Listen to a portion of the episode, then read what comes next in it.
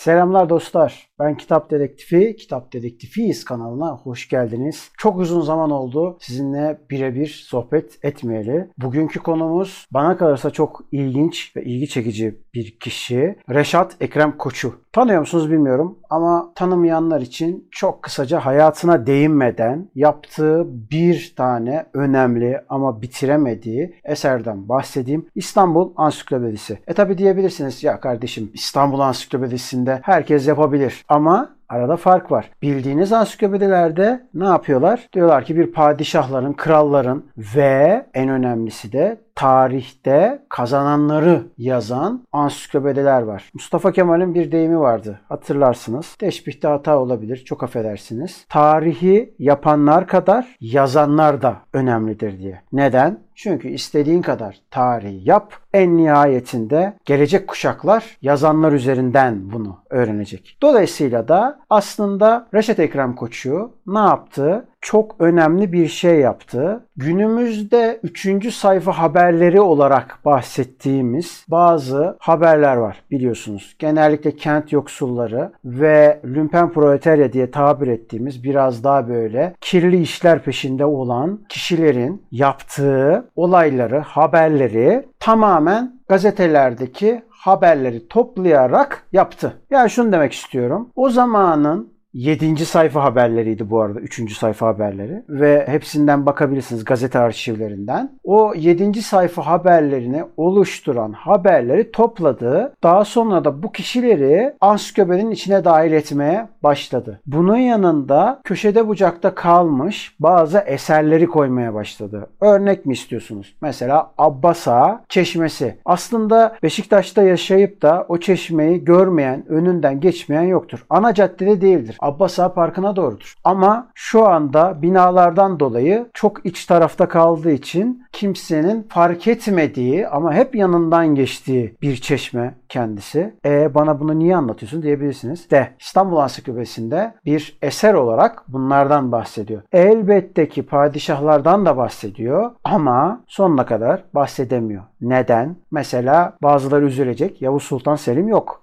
Ama neden yok? Şundan dolayı ayrımcılık yaptığı için falan değil. Aksine G harfine kadar gelebiliyor. Peki G harfine kadar gelmiş de nasıl devam edememiş? Aslında ömrü vefa etmemiş. Neden? Çünkü o kadar detaylı yazmaya başlıyor ki az önceki söylediğim tırnak içerisinde ayak takımları diye o dönem tabir edilen genellikle de ama genellikle söylüyorum hepsinde değil. Sur içinde dönen tırnak içinde olayları yazan bir kişiden bahsediyoruz. Bunu yazarken tamamen uydurma hikayelerden değil, yine ısrarla söylüyorum. Günümüzün 3. sayfa, dönemin 7. sayfa haberleri üzerinden yapıyor bunları. Peki bunları yaparken nelere dikkat ediyor? Zaten aslında video yapmak isteyişimin ana temel sebebi şu. Bu yaptığı eserleri hangi yöntemlerle yapmış? Çünkü bir yönüyle dedektiflik hikayesinden bahsediyoruz. Örneğin meşhur bir hikayesi var. Semavi Eyice tarafından bir sanat tarihçisidir. Şimdi aramızda yok ve maalesef ki yaşamının son zamanlarına kadar koçuyla birlikte yaşadı. Lakin koçu vefat ettikten sonra onun hakkında çok da iyi olmayan şeyler söyledi. E bunu yaparken de aslında bazı hatıraları var. Bu hatıralardan bir tanesini sizinle paylaşayım. Koçu öyle şeyler yapıyordu ki bunlardan bir tanesi de mesela 8 yıl boyunca ya da 9 yıl boyunca ki benim araştırmalarıma göre aynı cinayetten bahsediyorsak parantez içerisinde bu cinayete birazdan döneceğim.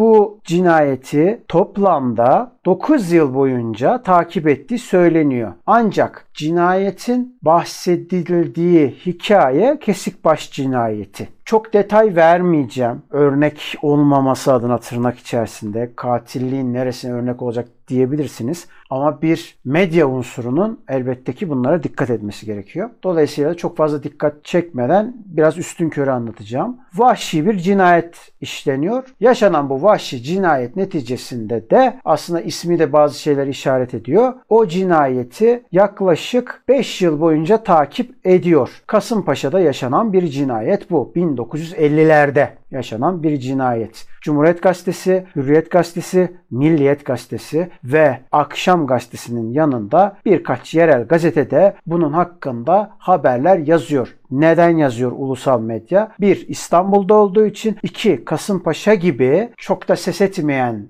bir bölgeden olduğu için. Üçüncüsü de aslında olağan dışı bir olay olduğu için böyle yapılıyor. Tamamen günümüzdekilere çok benzeyen bir erkeğin bir kadını kıskançlık sebebiyle işlediği bir cinayet. Ama bu cinayette bir kadın cinayeti değil. Onun altını çizeyim. Bütün bunlar olurken toplamda 5 yıl gibi bir zaman sürüyor ve bu 5 yılın sonunda gazeteler küpürlerini topluyor. Koçu öyle küpürler topluyor ki artık evinin deposuna ve evinin kendisine sığmaz oluyor küpürler. Bu küpürler daha sonra evlatlık bir oğlu var. İsmi Mehmet. Mehmet Koçu tarafından başka birisine satılıyor. Birisinin daha doğrusu başka birisi aracılığı ile Tercüman gazetesine satılıyor. Dönemin Tercüman gazetesi de maalesef yakın bir dönemde de iflasa gidiyor. Dolayısıyla elinden çıkartmak zorunda kalıyor. Çeşitli aracılıklar neticesinde bu fasiküller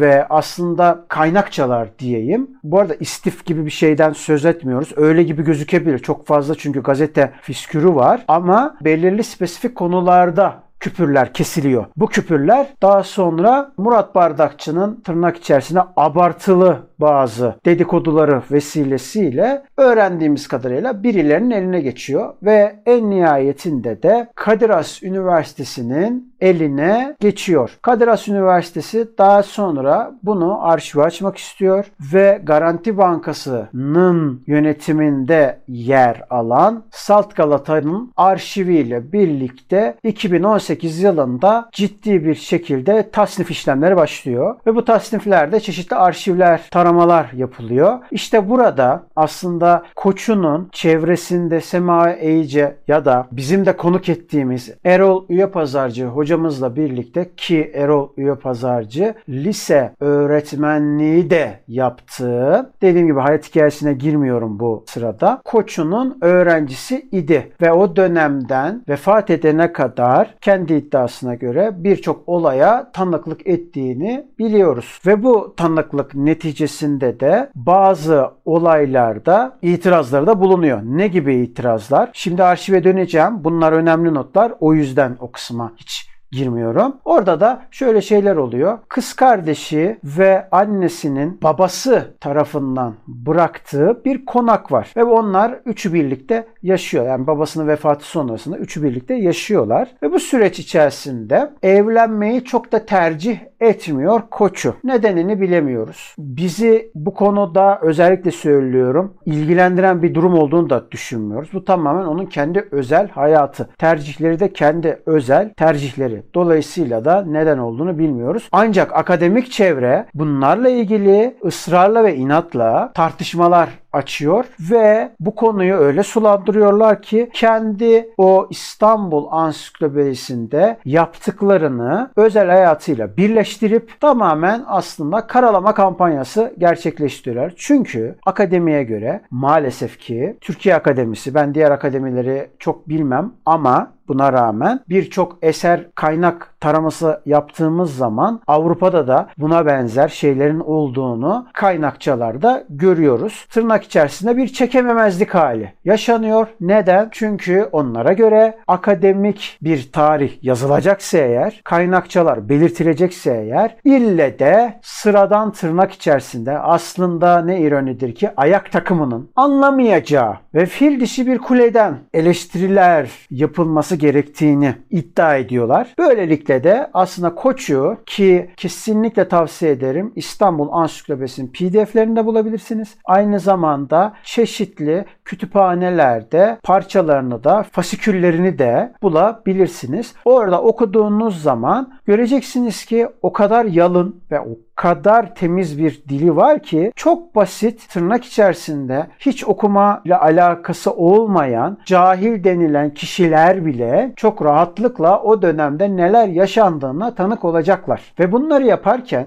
Bu arada koçu ona da geleyim hemen. Parantezi kapatayım. Hiçbir şekilde ama hiçbir şekilde işi zorlaştırayım vesaire yapmıyor. Ya da sadece gazetelerden de yararlanmıyor. Nerelerden yararlanıyor? Kütüphaneler, ansiklopediler ve aynı zamanda kendi entelektüel çevresinden de yararlanıyor. İstanbul Ansiklopedisini yapar iken başka kayda rastlanmadı ibaresini de eğer kaynakçalarda herhangi bir şekilde bir şey bulamazsa yani devam ediyor ediyor bir noktadan sonra haberin devamı yok. Bu arada bir tane olaydan bahsetmiyoruz. Aynı anda onlarca haberi takip ediyor ve unutmuyor da 8 yıl boyunca 9 yıl boyunca ya da benim iddiama göre 5 yıl boyunca eğer bir kişi bir haberi takip ediyorsa ve bunu hiç karıştırmadan aktarabiliyorsa ki o dönem bildiğiniz üzere ne bilgisayar var ne internet var. Dolayısıyla da bunları eğer hafızasında tutup inanılmaz kontrollü bir şekilde dizayn edip bunları aktarabiliyorsa o zaman bu kişi gerçekten çalışma düzeninde ciddi bir disiplinden bahsediyor olabilir. Zaten bu disiplin ve titizlik durumu başına çok işler açıyor ve en nihayetinde çok fazla az önce de söylediğim Semavi Eyice ve Erol Üye Pazarcı gibi spesifik en fazla 10 kişi diyebileceğimiz kişiler haricinde çevresinde hiç kimse kalmıyor. Belirli dönemler maddi sıkıntılardan dolayı ansiklopedi duruyor ama bunun haricindeki dönemlerde hızla devam etmek istese bile az önceki söylediğim tek başına yetişemeyeceği için bunlara yani koca bir külliyattan bahsediyoruz sonuç itibariyle. Bunlara yetişemeyeceği için başka entelektüel bilgi ve birikimine güvendiği insanlarla artık gönüllü ya da telifli yazılar yazdırıyor. Ancak en nihayetinde de dediğim gibi onlarla da anlaşamadığı için sonunda yolları ayrılıyor. Ama ne oluyor sonra? Bu yazım süreci yavaşlamaya başlıyor. Başka kayda rastlamadığından bahsettim az önce. Aynı ismi taşıyan Salt Galata'dan bahsedelim. Orada da bu konular hakkında bir arşiv ortaya çıkıyor. Bu sene açıldı. Mart ayında açıldı. Kasım gibi kapatıldı. Yani bitti süresi. Tamamen ücretsizdi. Ve o süreç içerisinde hatta benim Jurno'daki haberime bakabilirsiniz. Bu konu hakkında yaptığım programcılarla yaptığım haberde mevcut orada. Peki bunları yaparken bütün bu hazırlıkları yaparken neler yapıyordu? Nasıl bir arşiv yapıyordu? Aslında Salt Galata'nın arşivlerine baktığımız zaman burada anlatılan bir e-kitap yani bir e-yayın yaptılar. Elektronik yayın yaptılar. Ve bu elektronik yayında bunların hepsini tek tek anlatıldı. Bunlardan bir tanesi de parça parça da olsa buydu. Her bir fasikülün üzerine notlar alıyor. Örneğin işte belirli harfler yazıyor. Y yazıyorsa yayına hazır demek. Kırmızıyla işaretlenmişse bunun resmi yapılacak demek gibi notlar bırakılıyor ve bu notlar ve el yazıları tasnifin ne kadar hızlı bir şekilde olabileceğini de